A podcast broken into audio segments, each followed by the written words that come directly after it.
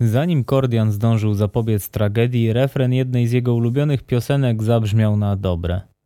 Will Smith zachęcał, by wszystkie laski, wszyscy z tylnych i przednich rzędów wznieśli okrzyk radości, bo nadchodzi la fiesta. Co to ma być? zapytał Artur Żelazny. Ja...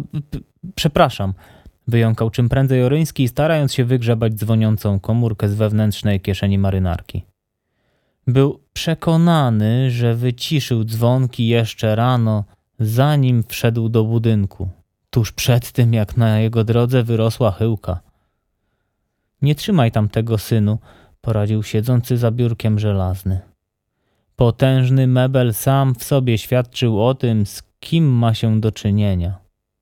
Wykonany był z porządnego mahoniowego drewna i znajdowały się na nim wszystkie atrybuty władzy nad kancelarią prawną. Drogie pióro Watermana, nowiutkie, nieotwierane podręczne kodeksy i spinki do mankietów w pozłacanym pojemniku. Tak jest. Nie stoisz przed generałem, tylko imiennym partnerem, powiedziała Joanna. I co to za pseudomuzyczne popłuczyny? Dzwonek z płyty Willenium. Willenium? Powtórzyła chyłka i zamknęła oczy, jakby stała nad grobem i żegnała najlepszego przyjaciela. Wpędzasz mnie w posępny nastrój, Zordon, a to nigdy nie kończy się dobrze. Od jutra chcę słyszeć solówkę z Wasted Years, kiedy ktoś będzie do ciebie dzwonił. To drugie zadanie. Pamiętasz pierwsze? Jasne, zełgał Kordian. Więc powtórz. Oryński podrapał się po głowie. Mm, miałem pójść do Hard Rock Cafe. Miałeś sprawdzić, o jakiej historycznej postaci Ironsi śpiewają przez osiem minut. Kolokwium zbliża się wielkimi krokami. Kordian spojrzał na szefa w poszukiwaniu ratunku. Nic tylko ci pozazdrościć, synu, podsumował żelazny. Ale doprawdy, nie trzymaj tego telefonu w pole marynarki, bo wytwarza przecież jakieś pole. Po cóż ci ono w okolicy serca? Racja, proszę pana, odparł usłużnie Oryński, zanim zdążył ugryźć się w język. Chyłka spojrzała na niego z dezaprobatą. Siadajcie, proszę, rzekł gospodarz. Kiedy zajęli miejsca na wygodnych krzesłach przed biurkiem, żelazny wbił wzrok w aplikanta. W dobrym tonie było, żeby tak mało znaczące persony nie pokazywały się szefostwu i nie nękały ich swoją obecnością. A mimo to z jakiegoś powodu Chyłka uznała, że warto pokazać mu tego chłopaka. Rozumiem, że podpisałeś już umowę z naszą kancelarią? zapytał Artur. Oryński skinął głową dopiero po chwili, uświadamiając sobie, że stary nie pyta o to z czystej ciekawości. Chciał upewnić się, czy Kordian podpisał oświadczenia zabraniające mu ujawniania kancelaryjnych tajemnic. Wybornie. Artur potarł dłonie. Ani chybi będziesz wartością dodaną w kancelarii żelazny and McVoy. Chyłka upozorowała przeciągłe ziewnięcie, słysząc tę standardową formułę. Po co mnie wezwałeś? Zapytała, uznając, że formalnością stało się zadość. I co robisz w Warszawie? Nie powinieneś teraz być gdzieś za granicą i stwarzać wrażenia, że pracujesz? Jestem ostatnim człowiekiem w tej firmie, którego można byłoby oskarżyć o pozoranstwo, odparł żelazny, ale nie będziemy roztrząsać twoich uprzedzeń wobec wszystkich innych pracowników kancelarii, dodał poprawiając marynarkę. Widziałaś się już z klientem? Tak. I? I lepiej rozmawiałoby ci się z własnym zadem podczas posiedzenia na tronie. Niespecjalnie mnie to dziwi, odparł Artur, przyzwyczajony do tego, że chyłka niewiele sobie robi z różnicy w ich statusie. Obecnie zajmowała stanowisko senior associate, więc niewiele dzieliło ją od posady partnera połączeniu z wieloletnią znajomością na stopie koleżeńskiej pozwalało to w ich wypadku na nieco luźniejsze relacje w pracy. Rzecz jasna, do pewnego stopnia. Kiedy Joanna zaczynała uprawiać zbyt daleko idącą samowolkę, żelazny potrafił wejść w rolę surowego dowódcy. Co ci powiedział? Nic, chyba wstydzi się kobiet. O, Z całą pewnością, szczególnie jeśli wdał się w ojca, odparł z przekąsem żelazny. Jego kancelaria nie raz i nie dwa wyciągała starego Langera z trudnej sytuacji, ostatnio zaś z całkowicie beznadziejnej. Udało się głównie za sprawą chyłki, która okiełznała szaleństwo jakiejś białoruskiej czy kaliningradzkiej dziewuchy. O Langerze, seniorze, nie musisz mi przypominać, zauważyła. Dalej czasem się budzę w nocy, czując na sobie jego obleśne spojrzenie. A młody? Jakie sprawia wrażenie? Nie wiem, nie miałam okazji go poznać. Rozwiązał mu się język, jak został sam na sam z tym oto młodzieńcem. Zrobiła zamaszysty ruch ręką, wskazując na siedzącego obok Kordiana. Oryński wydał usta i pokiwał głową w zamyśleniu. Więc? Zapytał Artur, odpinając spinki z mankietów i umieszczając je razem z tymi, które znajdowały się na biurku dla celów dekoracyjnych. Nie powiedział wprost, że to zrobił. Nie przyznał się do winy ani przede mną, ani przed po. Nie, nie, przerwał mu żelazny. Jego wina nie ulega dla mnie wątpliwości. Interesuje mnie to, czy będzie współpracował. Może. W ostateczności. Na odchodnym powiedział, że mamy wolną rękę. Artur zamilkł, rzucając chłopakowi przeciągłe spojrzenie. Wolna ręka nie jest równoznaczna z deklaracją współpracy. Nie jest, zgodził się Kordian. W dodatku wyrażał się dość ogólnikowo. Oryński przez moment chciał dodać, że chwilę wcześniej Langer rzucił się na niego jak wygłodniałe zwierzę na kawałek mięsa. Chyłka jednak przemilczała ten epizod, więc uznał, że nie warto niepokoić imiennego partnera. Czyli będzie chciał robić smród, zawyrokował żelazny. Trudno było się spodziewać czegokolwiek innego. Spojrzał na Joannę, ale prawniczka tylko wzruszyła ramionami. Nie. Nie muszę ci mówić, że to sprawa o podwyższonym priorytecie? Nie, odpowiedziała. Jesteś świadoma oczekiwań Piotra? Tak. Umiesz powiedzieć coś więcej? zapytał z uśmiechem, kręcąc głową. Jestem świadoma, że stary Langer oczekuje szybkiego i bolesnego procesu, wskutek którego jego kochany syneczek trafi jak najszybciej do pierdla i pozbawiony dostępu do internetu i mediów będzie wegetował, nie zagrażając swemu drugiemu ojcu. Żelazny wstał ze swojego wygodnego fotela i podszedł do niewielkiego barku. Nalał sobie szklankę bourbona, a potem ostentacyjnie pociągnął niemały łyk, nie proponując swoim gościom, by do niego dołączyli. Posłuchaj, Chyłka, zaczął zupełnie innym tonem, jakby trunek naoliwił niedziałające tryby. Postawię sprawę jasno. Ten zwyrodnialec ma się przyznać do winy. Niewykonalne. Szef kołysał trunkiem, patrząc na nią z podełba. McVeigh jest tego samego zdania, więc nie musisz fatygować się o telefon. Tylko, że cokolwiek masz mi do powiedzenia, nie obchodzi mnie to, uciął. Langer ma się przyznać do winy, sąd ma klepnąć jego oświadczenie, a w mediach ma być względna cisza. Jak pojawią się jakieś przecieki, masz natychmiast zidentyfikować źródło. Mogę przydzielić ci kormaka na stałe, dopóki nie uporasz się z tym wszystkim. Najwyraźniej stary Langer płacił całkiem nieźle, stwierdził Oryński. Piotr nie chce w ogóle mieszać się w sprawę z oczywistych względów, ciągnął dalej Artur. To wszystko niekorzystnie rzutuje na prowadzone przez niego przedsięwzięcia. A wiesz, jacy potrafią być partnerzy biznesowi. Jak tylko coś się dzieje wokół człowieka, zaraz jest powód do renegocjacji ustalonych warunków umowy. Nie, do tego nie może dojść. Szybki proces, szybki wyrok. Nie przyzna się do winy, zaoponowała Chyłka. Oczywiście, że się przyzna. Nie. Jeśli tego nie zrobi, dostanie dożywocie, stwierdził żelazny. W przeciwnym wypadku może uda mu się ugrać 25 lat. On nie sprawia wrażenia, jakby chciał cokolwiek ugrać. To czego chce do cholery?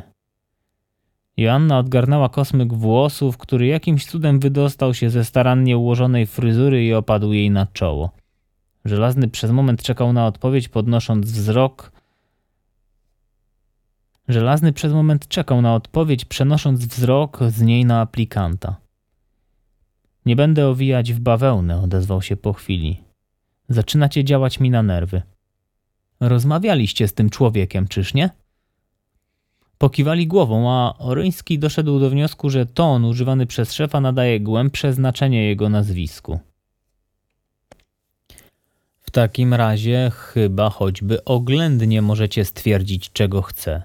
Co zamierza zrobić? Jest gotów iść do więzienia? Jest niezrównoważony? Może trzeba go ubezwłasnowolnić?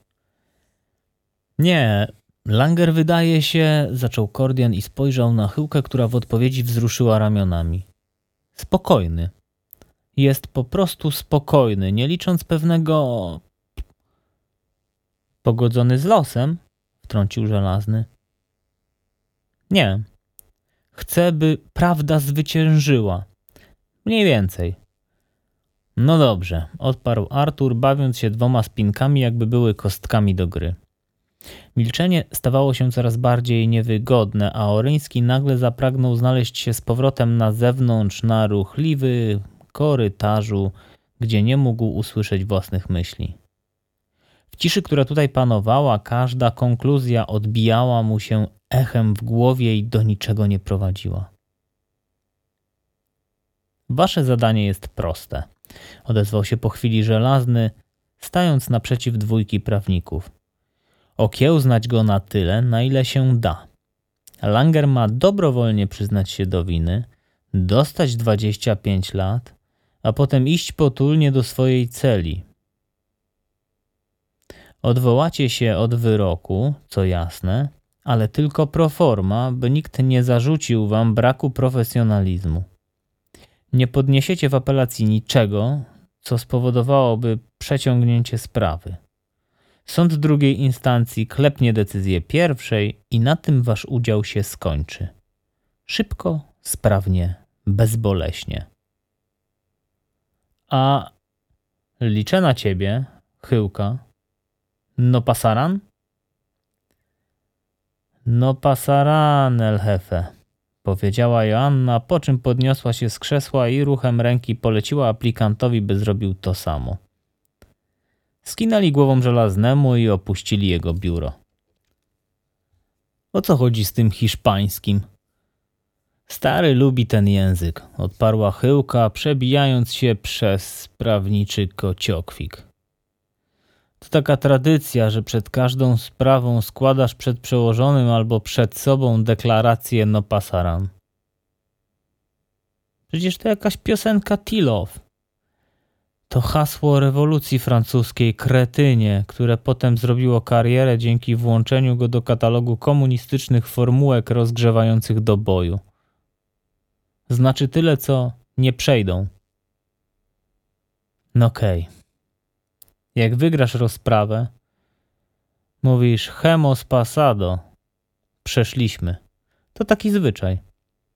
Nie wiedziałem, że trafiłem w jakieś komunistyczne Uważaj na słowa, zaoponowała Chyłka. Tutaj są sami liberałowie, ale masz przed sobą kobietę, która za każdy lewacki zarzut przetrzepie ci skórę. I czemu ciągniesz się za mną jak smród po gaciach, co? Myślałem, że idź do Kormaka i pomóż mu z tymi sąsiadami, poleciła Joanna, po czym przyspieszyła kroku. Uprawiając zgrabną ekwilibrystykę, dotarła do swojego biura, a potem zniknęła za drzwiami. Langer, widzenie, oznajmił klawisz. Oskarżony bez słowa wstał i podszedł do drzwi celi. Funkcjonariusz służby więziennej wyprowadził go na zewnątrz, postawił pod ścianą, a potem dla formalności przetrzepał od stóp do głów. Wątpił, by Langer mógł zdobyć cokolwiek od współwięźniów, z żadnym nie zamienił ani słowa, ale zasady były zasadami. Po powrocie z widzenia nastąpi powtórka z rozrywki i wówczas klawisz przyłoży się bardziej, bo oskarżony mógłby spróbować wnieść do środka grypsy. Minęli kilka par okratowanych drzwi. Przeszli przez pawilon, a potem dotarli do pokoju widzeń. Klawisz posadził go na krześle, po czym skuł mu nogi i ręce. Tym razem nikt nie miał zamiaru ryzykować, że więzień rzuci się na gościa. Po drugiej stronie metalowego stolika siedział łysy mężczyzna. Dziękuję, odezwał się Piotr, gdy strażnik skończył. Po chwili zostawił ich samych. Milczeli, patrząc sobie w oczy. Łysol zabębnił palcami w blat. Śmierdzi tu, odezwał się. Słyszałem, że więzienia mają swój charakterystyczny zapach, ale nie wiedziałem, że aż tak w nich capi. W celi jest znacznie gorzej, odparł obojętnie Langer. Kilku mężczyzn na ciasnej przestrzeni, toaleta oddzielona tylko niewysoką dyktą, nie jest przyjemnie. Zawsze może być jeszcze gorzej. Piotr nadal wbijał wzrok w twarz rozmówcy. Kim jesteś? zapytał. Człowiekiem, który wie, że jesteś na tyle rozgarnięty, by nie zadawać pytań, na które nie uzyskasz odpowiedzi. Nie przysłał cię mój ojciec, odparł Piotr. Znam wszystkie jego ogary. Łysy milczał. Świetnie. W takim razie nie mamy o czym rozmawiać. Wstań więc i wyjdź, odparł mężczyzna, wskazując mu drzwi. Czego chcesz? Nie ma znaczenia, czego ja chcę, Langer uniósł brwi. Mój mocodawca chce widzieć wolę współpracy z twojej strony. Przecież tu jestem, prawda? To dobitnie świadczy o mojej woli. Jesteś tu, bo nie masz innego wyjścia. Milczysz, ale dobrze wiesz, że nie tego oczekujemy. Robię. Robisz to, co uważasz za słuszne, odpowiedział Łysol w garniturze, ale nie tak ma to wyglądać. Musisz zdać się na nas, całkowicie. Łysy liczył na jakąkolwiek reakcję. Żadnej się nie doczekał. Zdajesz sobie sprawę, że jedno moje słowo wystarczy, by wszyscy twoi kumple w celi mieli dzisiaj bardzo wesołą i upojną noc? Próbuj. Whistle zaśmiał się pod nosem i pokręcił głową. Myślisz, że jeśli trafiłeś tutaj za morderstwo, nikt cię nie ruszy? Nie bądź naiwny, Langer. Wiesz, do czego jesteśmy zdolni i jakie mamy możliwości. Piotr milczał, choć teraz przeniósł wzrok na podłogę. Łysy uznał to za zwiastun swojego zwycięstwa. I tak ma być, powiedział. A teraz słuchaj, bo mam dla ciebie kilka poleceń, które wypełnisz co do joty. Drugi dzień w robocie był nieporównywalnie gorszy od pierwszego. Wczoraj Oreński opuścił kancelarię dopiero o dziesiątej, a w domu było jedenastej. Przed północą otworzył pierwsze piwo, przez co zasnął około drugiej. By zameldować się w Skylight na ósmą musiał wstać o szóstej. Jeśli tak miało wyglądać, całe jego życie był gotów podziękować. Parafrazując w myśli Roberta Frosta, Kordian doszedł do wniosku, że jeśli będzie przykładnie pracował w kancelarii 10 godzin dziennie, może kiedyś uda mu się zostać prezesem i pracować 14. Stanąwszy przed wejściem do biurowca, chłopak odpalił Dawidofa. Tu się nie pali, rozległ się kobiecy głos, lecz tym razem nie było w nim cienia uszczypliwości. Kordian miał déjà vu. Odwrócił się i powitał chyłkę szczerym uśmiechem. Powiedz mi, ile godzin śpi senior associate? Zapytał. Tyle, ile jej się podoba, odparła mimochodem Joanna. Chodź, nie pal jak żul pod złotymi tarasami. Masz od tego biuro. Nie mam biura, zaoponował Oryński. Umieściłaś mnie w noże o Boże. Nie szkodzi. Jest palarnia. Kordian przeciągnął papierosa, a potem zdusił go pod butem i ruszył za chyłką. Gdy znaleźli się w windzie, znów zapanowało niezręczne milczenie. Oryński kilka razy ukradkowo łypnął na prawniczkę. Kiedy to zauważyła, zgromiła go wzrokiem. Nie wyspałeś się, Zordon? Odpowiedział jej przeciągłym, nieudawanym ziewnięciem. Świetny timing. Po nocach szukałeś odpowiedzi na swoje zadanie? Co? A, tak, nic nie znalazłem. Znowu zapomniałeś, co ci poleciłam, prawda? Nie, nie mam zamiaru ci o tym przypominać. Masz problem. Milczał przez chwilę, sięgając w najgłębsze odmęty pamięci. Po chwili jakiś neuron w mózgu zaskoczył. Miałem zmienić dzwonek. Odparł i poczuł się jak uczniak, który wyrwał się z dumą do odpowiedzi. Ale jeszcze nie udało mi się tego dokonać. Nie, nie, to tylko sprawa techniczna, wyjaśniła, kiedy winda dotarła na miejsce. Twoje zadanie było znacznie ważniejsze. Jeśli o tym nie pamiętasz, to jakim cudem mam wierzyć, że kojarzysz jakikolwiek przepis z karnego albo kapeku? Normy kodeksu karnego oraz kodeksu postępowania karnego były ostatnimi rzeczami, którymi Kordian zaprzątał sobie teraz głowę.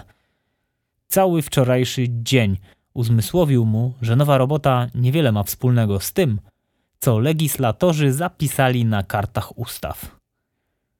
Najpierw spotkanie z psychopatą, potem wizyta u najwyższej instancji w kancelarii żelazny and McVeigh, a na deser prawie 10 godzin spędzonych w biurze Cormaka i to właśnie ten ostatni akcent okazał się najbardziej męczący. Obaj niezłomnie zaglądali do wszelkich internetowych zakamarków społecznościowych, ale szło im jak po grudzie. Kormak wykazywał się przy tym podzielnością uwagi, rozprawiając na temat dzieł McCarthy'ego oraz niezbyt udanego polskiego tłumaczenia jednej z jego książek. Początkowo Kordian od czasu do czasu potakiwał, potem udawał, że rozmówca nie istnieje. Szybko okazało się, że nowobogatcy zasiedlający apartamentowiec Langera wyjątkowo cenili sobie prywatność. W social media nie było niczego, co mogłoby się przydać w tej sprawie. Tym bardziej Oryński zdziwił się, kiedy teraz wyszedł z windy na korytarz. Stanął twarzą twarz z chudzielcem w okularach Eltona Johna, który uśmiechał się promiennie. Kordian, mam coś, zagaił konspiracyjnie. O tej porze dnia można było go jeszcze usłyszeć, ale za godzinę jego głos nie będzie nawet szumem w tle. Prawnicy spojrzeli na niego pytająco.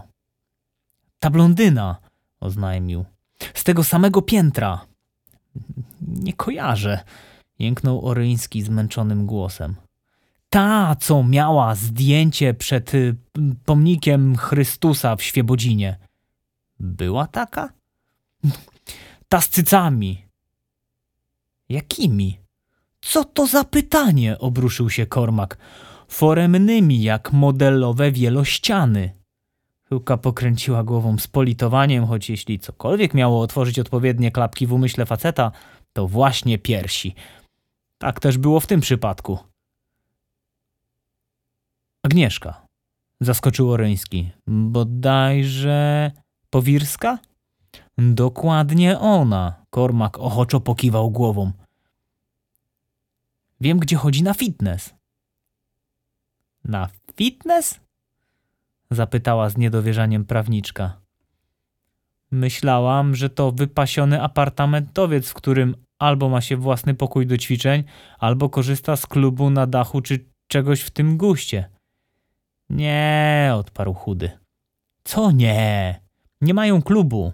Joanna spojrzała na obu rozmówców i stwierdziła, że najwyraźniej odpłynęli już myślami w kierunku najbardziej charakterystycznej cechy tej dziewczyny. Jedźcie, powiedziała. Zasadzicie się na nią jak dwóch najbardziej parszywych paparazzi.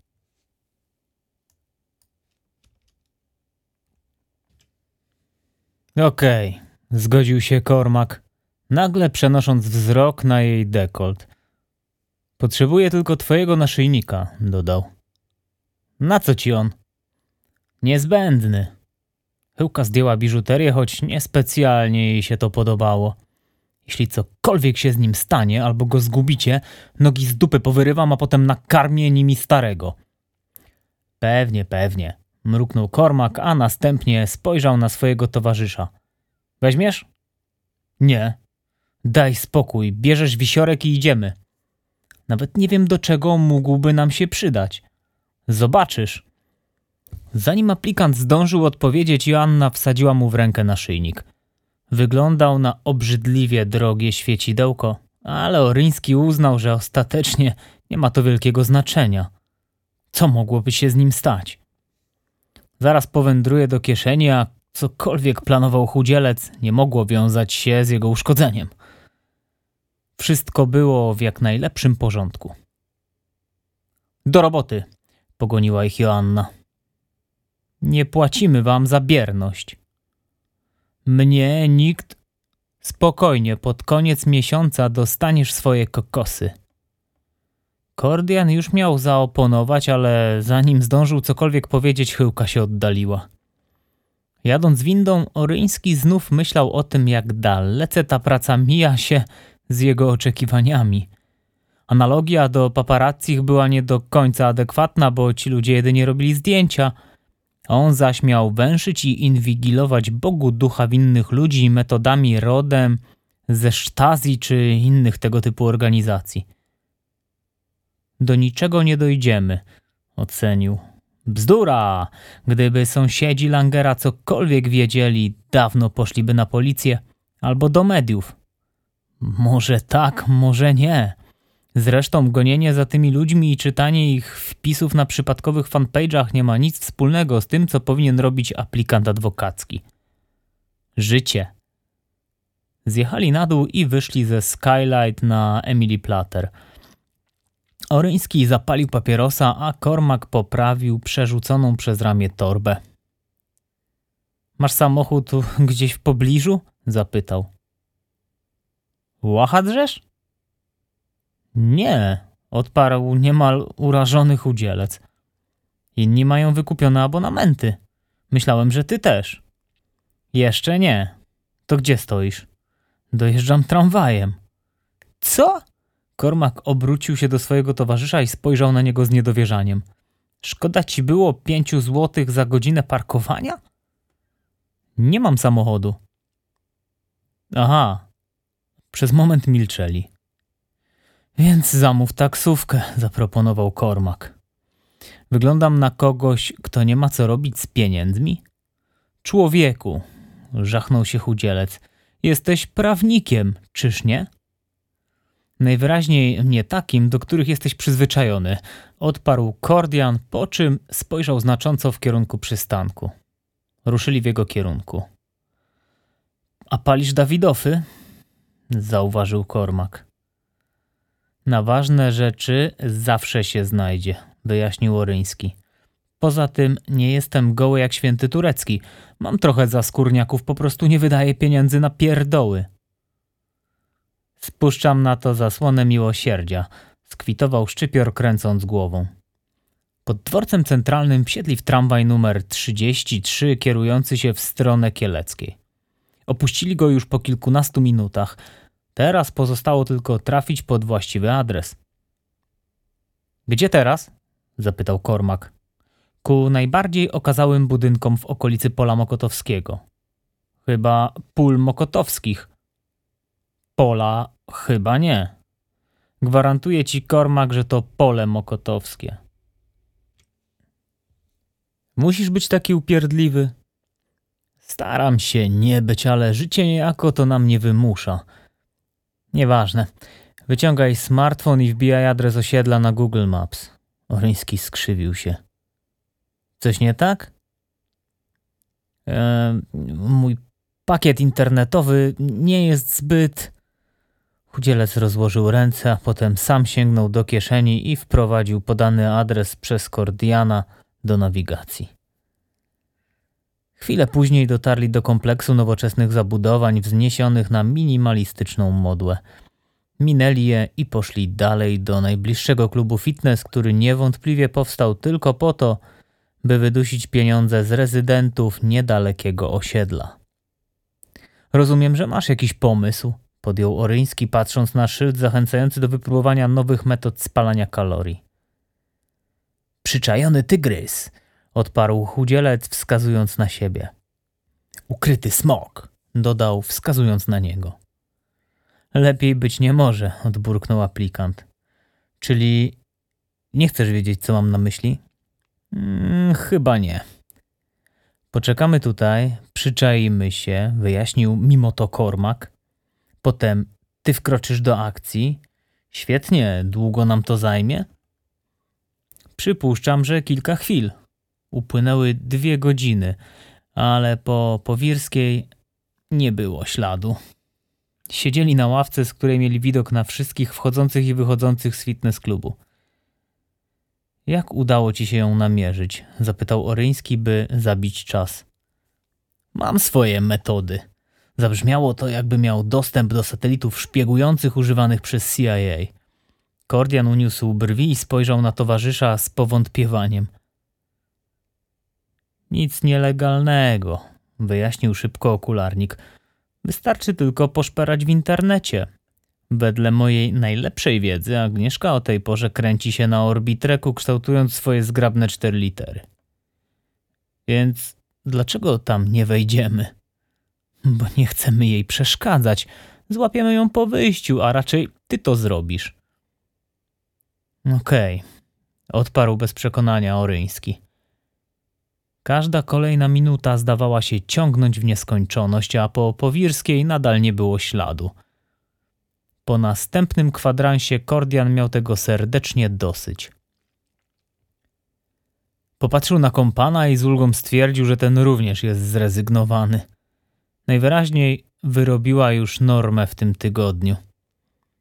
W takim razie czas przejść do planu awaryjnego, oznajmił chudzielec. Wyłuszczył aplikantowi wszystko od początku do końca, a Kordian musiał przyznać, że brzmiało to całkiem sensownie. Parę rzeczy mogło pójść nie tak, ale warto było spróbować. Skinął głową ze zrozumieniem, a potem ruszył w kierunku wejścia. O tej porze klub świecił pustkami. Na bieżni, widocznej przez szybę, samotna kobieta wylewała z siebie siódme poty. Sprawiała wrażenie, jakby miała zaraz paść trupem. Kordian minął ją i poszedł do mężczyzny stojącego za ladą. Obwód jego bicepsa równy był mniej więcej obwodowi jego głowy. Prócz tego mógł z powodzeniem pretendować do miana modela z katalogu ciuchów dla metroseksualistów. Dzień dobry, wypalił Oryński. Siemanko, odparł z lekkim uśmiechem model. Świetny strój na poranny trening. To? Zapytał Kordian, poprawiając poły marynarki. Ech, nie, byłem wczoraj wieczorem. Nie dam rady tak często, dodał, poklepując się po udach. Ostatnie dwa dni były niekończącą się epopeją robienia z siebie kretyna. Mam naszyjnik, który wczoraj zostawiła tu pewna dziewczyna. Dodał, kładąc wisiorek na blacie. Model spojrzał na nie, pokiwał głową z uznaniem. Kordian wiedział, że nieco ryzykuje, mówiąc, że był tutaj zeszłego wieczora, ale przypuszczał, że taki gość skupiał się raczej na innym typie klientów i nie kojarzył takich jak on. Droga rzecz, skwitował mięśniak. Jakby dziwiło go, że ktokolwiek przytargał do niego takie znalezisko zamiast opchnąć na Allegro za niebotyczną sumkę. Może i droga, ale ta laska była naprawdę niezła. Uśmiech na twarzy metroseksualisty kazał sądzić, że załapał w czym tkwi clue problemu. Spoko, Zostaw to tutaj, a ja... Nie, nie, nie, zaoponował Oryński, kręcąc głową i mrużąc oczy. Człowieku, zrozum mnie, dodał z uśmiechem. Plusem rozmowy z takimi ludźmi było to, że można było porozumieć się zasadniczo bez słów. Wystarczyło unieść brwi, pokiwać znacząco głową czy zrobić dziubek. W tej sytuacji nie było konieczności sięgania nawet po te uniwersalne sygnały – Sprawa była oczywista, a recepcjonista sprawiał wrażenie, jakby był gotów pomóc bratu w potrzebie. Wolałbym sam jej to dać, kontynuował Kordian. Eee, a wiesz jak się nazywa? To grzmociwo. Oryński pierwszy raz spotkał się z takim określeniem i na moment zupełnie go zatkało. Szybko jednak okiełznał konsternację. Agnieszka, a nazwisko chyba Powirska. Nie pamiętam, jak mi się wczoraj przedstawiała. Byłem skupiony na czymś innym. Odparł Oryński, robiąc rękami gesty, jakby ważył dwa arbuzy na stoisku spożywczym. W oczach rozmówcy pojawił się błysk. Nic więcej nie mów, oznajmił, po czym obrócił się do małego monitora i zmrużył oczy, jakby miał 80, a nie 20 lat.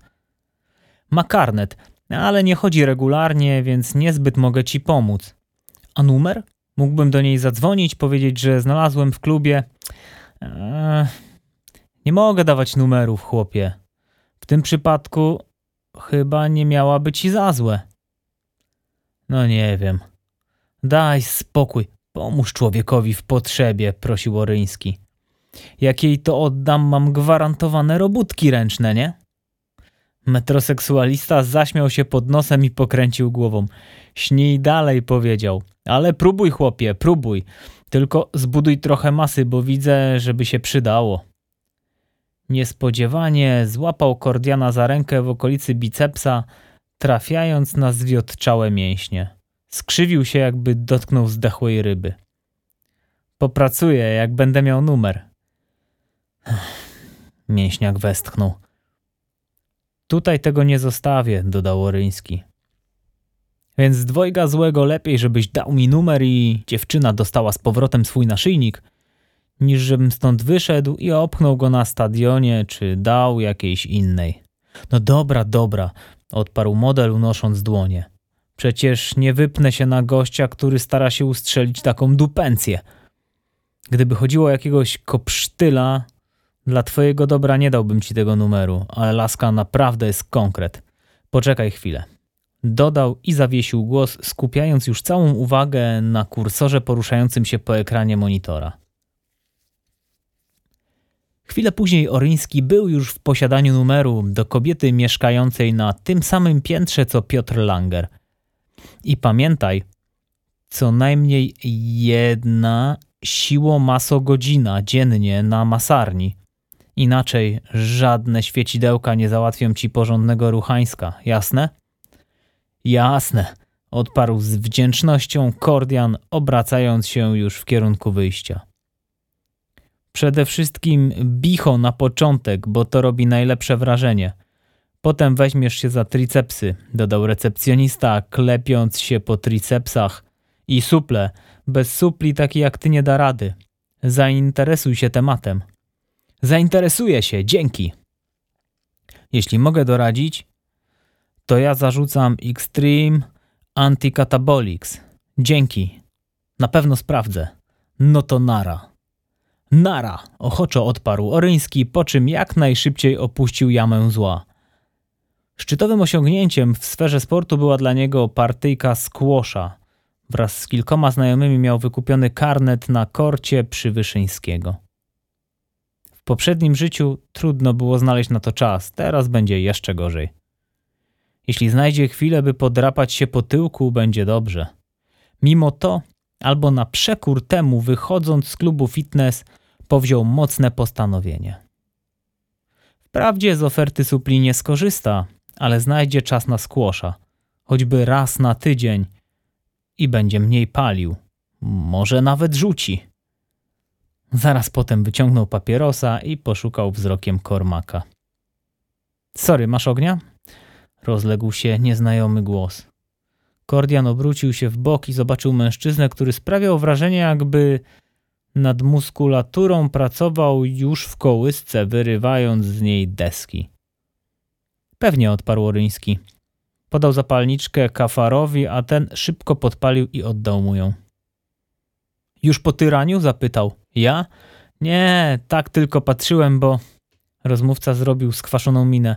Jesteś z tych, co lubią sobie popatrzeć? spytał. Nie, to znaczy... Przymierzam się, żeby wykupić karnet. Mieszkasz gdzieś blisko? Tak, całkiem niedaleko. Ja mieszkam tam, oznajmił mężczyzna, wskazując na budynek o jasnej, schludnej elewacji. Aplikant ożywił się. Dopiero po chwili dotarło do niego, że nigdzie nie widział tego człowieka. dotarli do szczątkowych informacji na temat niemal wszystkich mieszkańców apartamentowca, ale tego nie kojarzył. Długo tam mieszkasz? zapytał Kordian. Dopiero się wprowadziłem. Oryński pokiwał głową. Powinien spodziewać się, że los nie uśmiechnie się aż tak, by przypadkowo trafić na jednego z sąsiadów. Dlaczego pytasz? Zainteresował się nieznajomy. Tak, tylko fajny budynek. Powiedziałbym, że zajebisty, poprawił go rozmówca. Podobno mieszkał tam sadysta z Mokotowa. Ten, co zabił dwójkę ludzi i potem kisił się z nimi przez dwa tygodnie w łazience. Dziesięć dni. I byli w innym pomieszczeniu, poprawił go Kordian. Rozmówca nie odpowiedział, a młody prawnik wypatrzył w końcu kormaka. Chudzielec siedział na ławce kawałek dalej, pochylając się nad jedną z lektur, którym zawdzięczał swoją ksywkę. Trzym się, rzucił kafar, po czym zgasił papierosa i wszedł do klubu. Umięśniony Łysol wiedział, że nie powinien śledzić aplikanta. Siwowłosy dał mu jasne wytyczne – pilnować chyłki. Kiedy jednak zobaczył, że Oryński wraz z innym pracownikiem kancelarii opuszcza Skylight, ruszył za nimi. Jego niepokój rósł w miarę jak te dwa chuchra zbliżały się do osiedla. Wiedział, że nie powinien nawiązywać bezpośredniego kontaktu z człowiekiem, którego śledzi. Wiedział, że było to wbrew sztuce, a w dodatku szef kazał bezpośrednio interweniować dopiero wówczas, gdy zajdzie absolutna konieczność. Ale sytuacja była wyjątkowa. Łysy musiał wiedzieć, dlaczego aplikant się tu pojawił. W końcu był chłopcem na posyłki Joanny Chyłki. Z pewnością to ona kazała mu tutaj przyjechać. Co tam? Powitał go recepcjonista. Kafar zmierzył go wzrokiem. Rzeźba całkiem niezła, choć nie tak niezła jak jego. W dodatku ciasne ciuchy sprawiały wrażenie, jakby miały pęknąć w szwach. Czego chciała ta faja? zapytał łysy. Umoczyć, jak my wszyscy, odparł z uśmiechem metroseksualista. A konkretniej? Przez moment trwało milczenie. A co cię to obchodzi? Pytam, więc odpowiadaj. Recepcjonista nie sprawiał wrażenia, jakby miał zamiar współpracować. Łysy pomyślał, że poczeka na niego przed klubem i kiedy ten skończy pracę, wytłumaczy mu, że niemądrze jest migać się od odpowiedzi. Naraz jednak doszedł do wniosku, że nie ma na to czasu. Musiał sprawdzić, gdzie teraz skierują się Oryński i jego towarzysz. Z kim się bujasz? zapytał. Widział, że model ma ochotę odparować mu bez ogródek, w porę jednak ugryzł się w język. Nie obawiał się, ale był świadomy, że mięśniak jest potencjalnym klientem, którego nie powinien zniechęcać. Różnie, odparł recepcjonista. Czyli z kim? podsumował Łysol. O siwowłosym słyszałeś? Zaciekawione spojrzenie rozmówcy kazało mu sądzić, że słyszał. Chwilę później kafar uzyskał wszelkie interesujące go informacje i odetchnął z ulgą. Chyłka i Oryński gonili za własnymi ogonami. Wszystko było w jak najlepszym porządku. Kordian powoli zbliżył się do ławki. Chudzielec podniósł głowę i poprawił okulary. Zamknął książkę z końskim pyskiem na okładce i włożył ją do oddzielnej kieszeni w torbie. Kordian dojrzał zakładkę z napisem Tutaj założyłem, ale wyłączyłem się dwie strony wcześniej. Co to za steryt? Zapytał Kormak, wskazując na wejście do klubu. Nie wiem, chciał strzelić sobie w płuca przed treningiem i potrzebował ognia. Mieszka w willi, którą staraliśmy się wirtualnie spenetrować. Nie kojarzę twarzy, bo dopiero się wprowadził. Więc mniejsza z nim. Zdobyłeś numer? Tak, naszyjnik podziałał jak magia. To najwyższa pora zadryndać do obiektu twoich westchnień powiedział Kormak, ale Oryński już wyciągnął telefon z wewnętrznej kieszeni marynarki. Niespecjalnie wziął sobie do serca rady Artura Żelaznego. Wstukał numer, po czym usiadł na ławce obok Kormaka, przykładając słuchawkę do ucha. Halo? rozległ się aksamitny kobiecy głos sam w sobie świadczył o tym, że ma się do czynienia z piękną kobietą. Dzień dobry, pani Agnieszko, odezwał się Kordian służbowo. Dzień dobry, pani Agnieszko, odezwał się Kordian służbowo. Dzień dobry, odparła ze znużeniem. Jeśli dzwoni pan z kolejną ofertą kredytu, bynajmniej, przerwał jej. Jestem prawnikiem broniącym Piotra Langera. Chciałem zamienić z panią kilka słów, jeśli ma pani chwilę. Skąd ma pan mój numer? Trafiłem na niego przypadkowo, a z pewnością. Tak samo przypadkowo Obama szpieguje obywateli przez ten cały prizm. Przez moment Kordian zastanawiał się, czy aby na pewno rozmawia z osobą, której w... Przez moment Kordian zastanawiał się, czy aby na pewno rozmawia z osobą, którą wczoraj widział na zdjęciach. Tamta dziewczyna przywodziła na myśl raczej słodką idiotkę, a nie osobę orientującą się w amerykańskim systemie inwigilacji obywateli. Ale mogła po prostu polubić odpowiednią stronę na Facebooku. I mówi pan, że jest prawnikiem? Z jakiej kancelarii? Żelazny and McVeigh, odparł Oryński. Trudno było ukryć dumę w głosie, tym bardziej, że nie musiał przyznawać się, iż jest tylko aplikantem. I czego pan ode mnie oczekuje? Rozmawiałam już z policją. Chciałem tylko dopytać w kilku kwestiach. Jakich? Interesuje mnie, czy nie zauważyła pani czegoś podejrzanego, niecodziennego, odstającego od normy. Już to wszystko przerabiałam, ucięła. Nic nie widziałam, nic nie słyszałam. Nie widziała pani, żeby mój klient przez tych dziesięć dni opuszczał mieszkanie? Zapytał Oryński, przechodząc do sedna. Nie. A zazwyczaj widywała go pani, jak wychodzi po gazety, na zakupy albo. Peter nie czytał gazet. Zorientował się pan? Nie po to chodzi wszędzie z tabletem, żeby kupować gazety. Kordian z ożywieniem spojrzał na siedzącego obok Kormaka. Żałował, że nie włączył głośno mówiącego. Sposób, w jaki dziewczyna wyrażała się o kliencie i jej znajomości nawyków Petera nie stanowiły niewyraźnego światełka w tunelu, a wręcz snop światła z latarni morskiej. Obrali dobry kurs, odnajdując Powirską. Ale zakupy robił? zapytał. Tak, często spotykałam go w osiedlowym. Nie lubi szwendać się po dużych centrach handlowych, bo uważał, że kotłuje się tam najgorszy element. Plebs, wie pan. Mówił, że przynajmniej połowa tych ludzi śmierdzi. To znaczy nie wprost. Peter rzadko kiedy bywał bezpośredni. Zawsze jakoś tak kluczył, no, no wie pan. Wiem doskonale.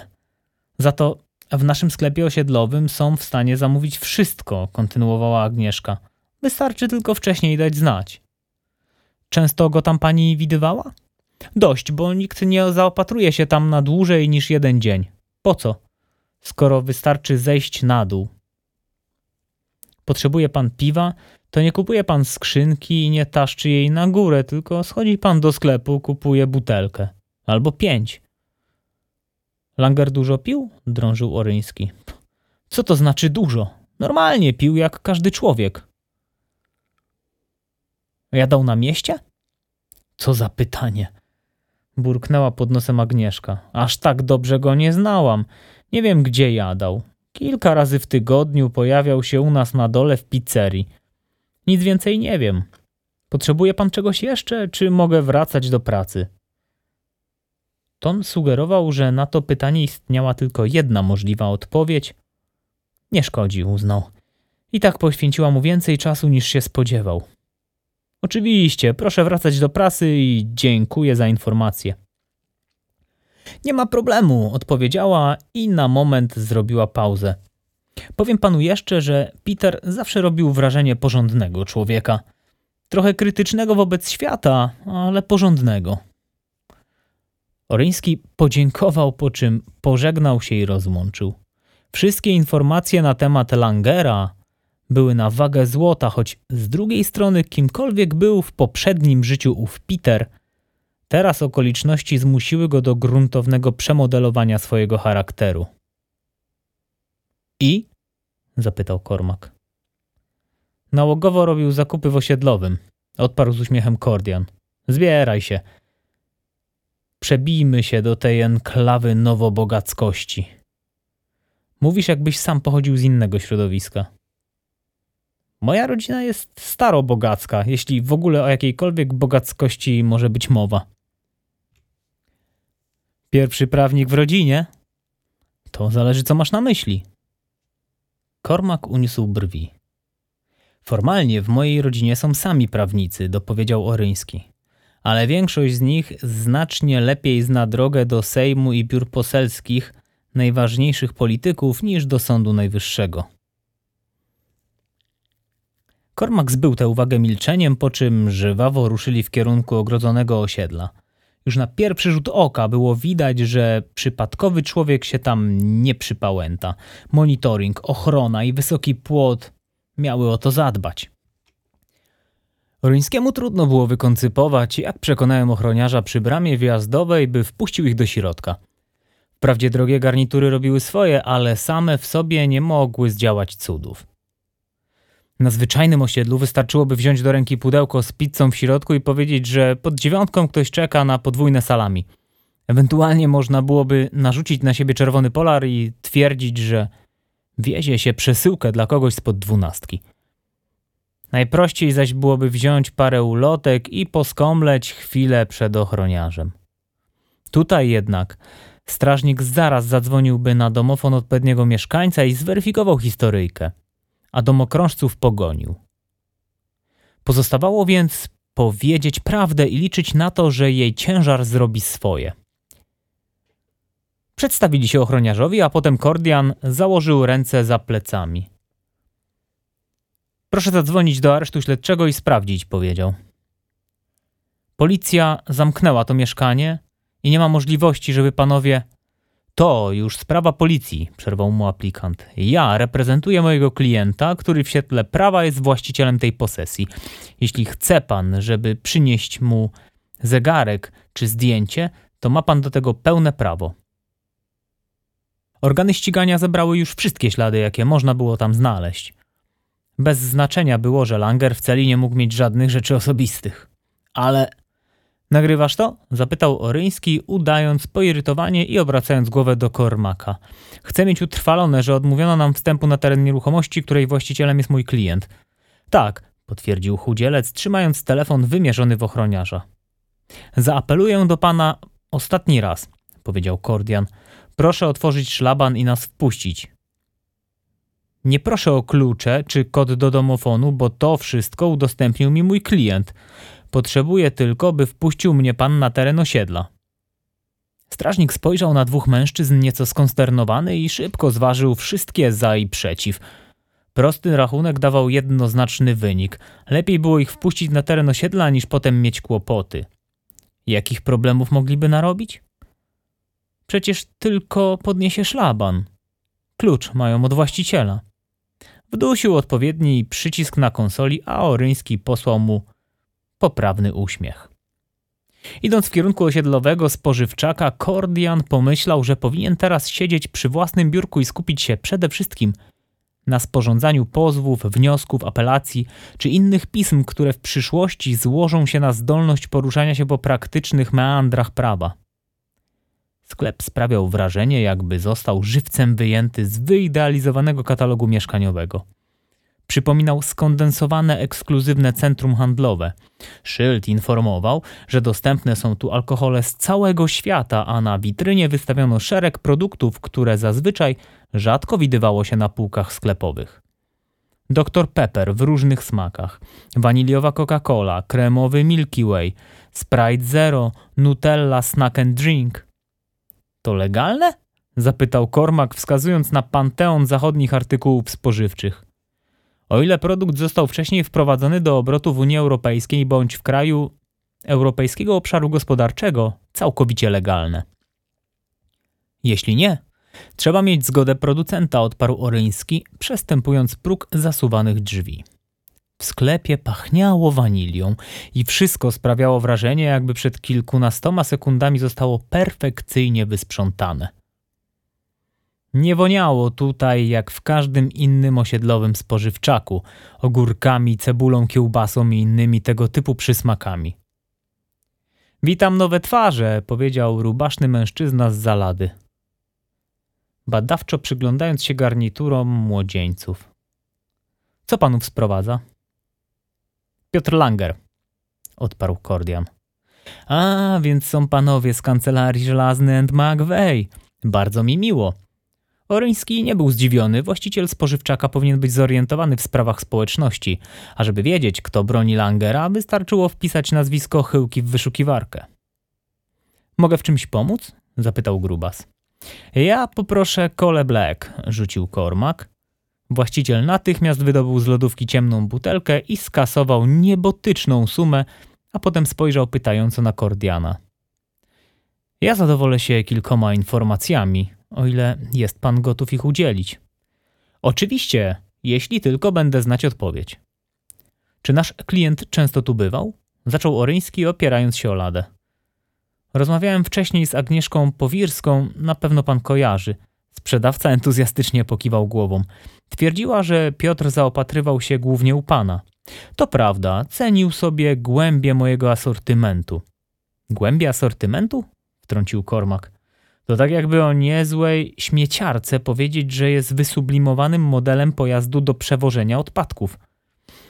Jak często tu zachodził? Zapytał czym prędzej Oryński, by ekspedient nie zdążył zastanowić się nad tą zniewagą. Dzień w dzień, odparł sprzedawca. Choć zdarzało się, że nie widywałem go przez tydzień lub dwa. Bywał chyba wtedy poza miastem, ale gdy tylko znajdował się w Warszawie, zawsze robił zakupy u mnie. Chodzi przede wszystkim o okres na około dwa tygodnie przed tym, jak został zatrzymany. Mężczyzna pokiwał głową ze zrozumieniem. Wiedziałem, że pan o to spyta. Otóż Piotra nie było wówczas u mnie ani razu. Ostatnio widziałem go być może trzy, cztery tygodnie przed tym, jak ujęła go policja. Musiał robić zakupy gdzie indziej, zaopatrywać się hurtowo, a zresztą. Trudno mu się dziwić, rozumie pan. Gdybym miał dwóch nieboszczków w mieszkaniu, też niechętnie zostawiałbym ich samych. Kordian postukał o ladę. Dostał to, po co tutaj przyszedł. Fakt, że Langer nie robił zakupów przez te ostatnie 10 dni był już jakimś punktem zaczepienia. W połączeniu z zeznaniami kilku świadków, którzy potwierdzą, że nie widzieli Piotra na osiedlu, mógł zasiać wątpliwość w umyśle sędziego. Znał pan tych ludzi? Zawiadnął Kormak. Ofiary? Nigdy o nich nawet nie słyszałem, to znaczy usłyszałem dopiero po fakcie z mediów. Teraz nawet nie pamiętam ich imion ani twarzy. A musi pan wiedzieć, że do twarzy mam niebywałą pamięć, jak zresztą każdy w moim zawodzie. Nigdy tu nie byli? Dopytywał chudzielec. Może któryś z pracowników ich? O, na pewno nie, przerwał mu właściciel. Ja jeden tutaj pracuję. Wszystko na własne konto i gdyby ci ludzie się tu zjawili, z pewnością bym ich zapamiętał. Nikt z otoczenia Langera nie znał ofiar. Wszystko wskazywało na to, że również dla samego sprawcy były to obce osoby. Stanowiło to dziwny element układanki. Żaden zabójca nie łowił przypadkowych ludzi z ulicy, a potem nie katował ich we własnym mieszkaniu. A jednak. Do tej pory nie udało się ustalić żadnego związku pomiędzy tą parą a Langerem. Ofiary mieszkały na północno-wschodnich rubieżach Warszawy i na dobrą sprawę nie miały czego szukać w okolicach apartamentowca na Mokotowie. Policja pana przesłuchiwała? zapytał Kordian. O nie, oczywiście, że nie. Prowadzę tylko osiedlowy sklepik. Czemu ktokolwiek miałby mnie przesłuchiwać? Tak tylko pytam, odparł z lekkim uśmiechem Oryński. Słowo przesłuchanie działało na przeciętnego człowieka jak woda święcona na diabła, choć w rzeczywistości nie miało pejoratywnego wydźwięku. Określenie środka dowodowego jak każde inne. Przesłuchiwano strony w postępowaniu, przesłuchiwano świadków i oczywiście podejrzanych, co powodowało negatywne konotacje tego słowa. Wezmę doktora Pepera na drogę, dodał Kordian, widząc, że właściciel zaczął łypać na niego nieco podejrzliwie. Bardzo proszę, odparł, znów sięgając do lodówki. Sam nie mogę przestać tego żłopać. Czekam tylko, aż w jakimś kraju rozpocznie się dystrybucja nowych smaków. Wiem, że jest wiśniowy i... Dziękujemy panu za wszystkie informacje, przerwał Moryński. Sklepikarz skasował napój chyba poniżej ceny, za jaką sprzedawał. Mam nadzieję, że nie będzie pan, bo ja wiem, wnioskował o przesłuchiwanie mnie przed sądem. Nie ma się pan czego obawiać, zapewnił go zgodnie z prawdą Moryński. Ale jeśli pańskie zeznanie w jakikolwiek sposób będzie mogło pomóc Piotrowi, przypuszczam, że nie będzie miał pan nic przeciwko. Pomóc? Wydawało mi się, że Jezus Maria, myśli pan, że jest niewinny? O, pan, moim moralnym i ustawowym obowiązkiem jest obrona tego człowieka, odparł Kordian, nie zamierzając wdawać się w dłuższą konwersację z właścicielem sklepu. Otrzymał od niego informacje, które mogły okazać się kluczowe. Podziękował mu jeszcze raz, a potem wraz z Kormakiem ruszyli ku przystankowi tramwajowemu. Po drodze czuli na sobie ciężkie spojrzenie ochroniarza, który ich wpuścił. Poszło gładko, odezwał się chudzielec, kiedy wyszli na teren osiedla. Mamy przyczynek do zbudowania porządnej linii obrony, Kormak. To lepiej niż gładko. Chyłka będzie w niebo wzięta. Kordian skinął głową, lecz myślami był już daleko. Pytanie ekspedienta obijało mu się echem w głowie. Czy naprawdę sądził, że Langer tego nie zrobił? Joanna zdawała się przekonana, on sam też sądził, że klient jest niewinny. Ale kto mógłby go wrabiać w morderstwo? I w jaki sposób? Ojciec odpadał w przedbiegach. Świat nie był skonstruowany tak prosto. Ale w takim razie kto? I dlaczego? Oryński nie miał pojęcia. Przypuszczał jednak, że jeśli będą drążyć odpowiednio długo, w końcu dokopią się do prawdy.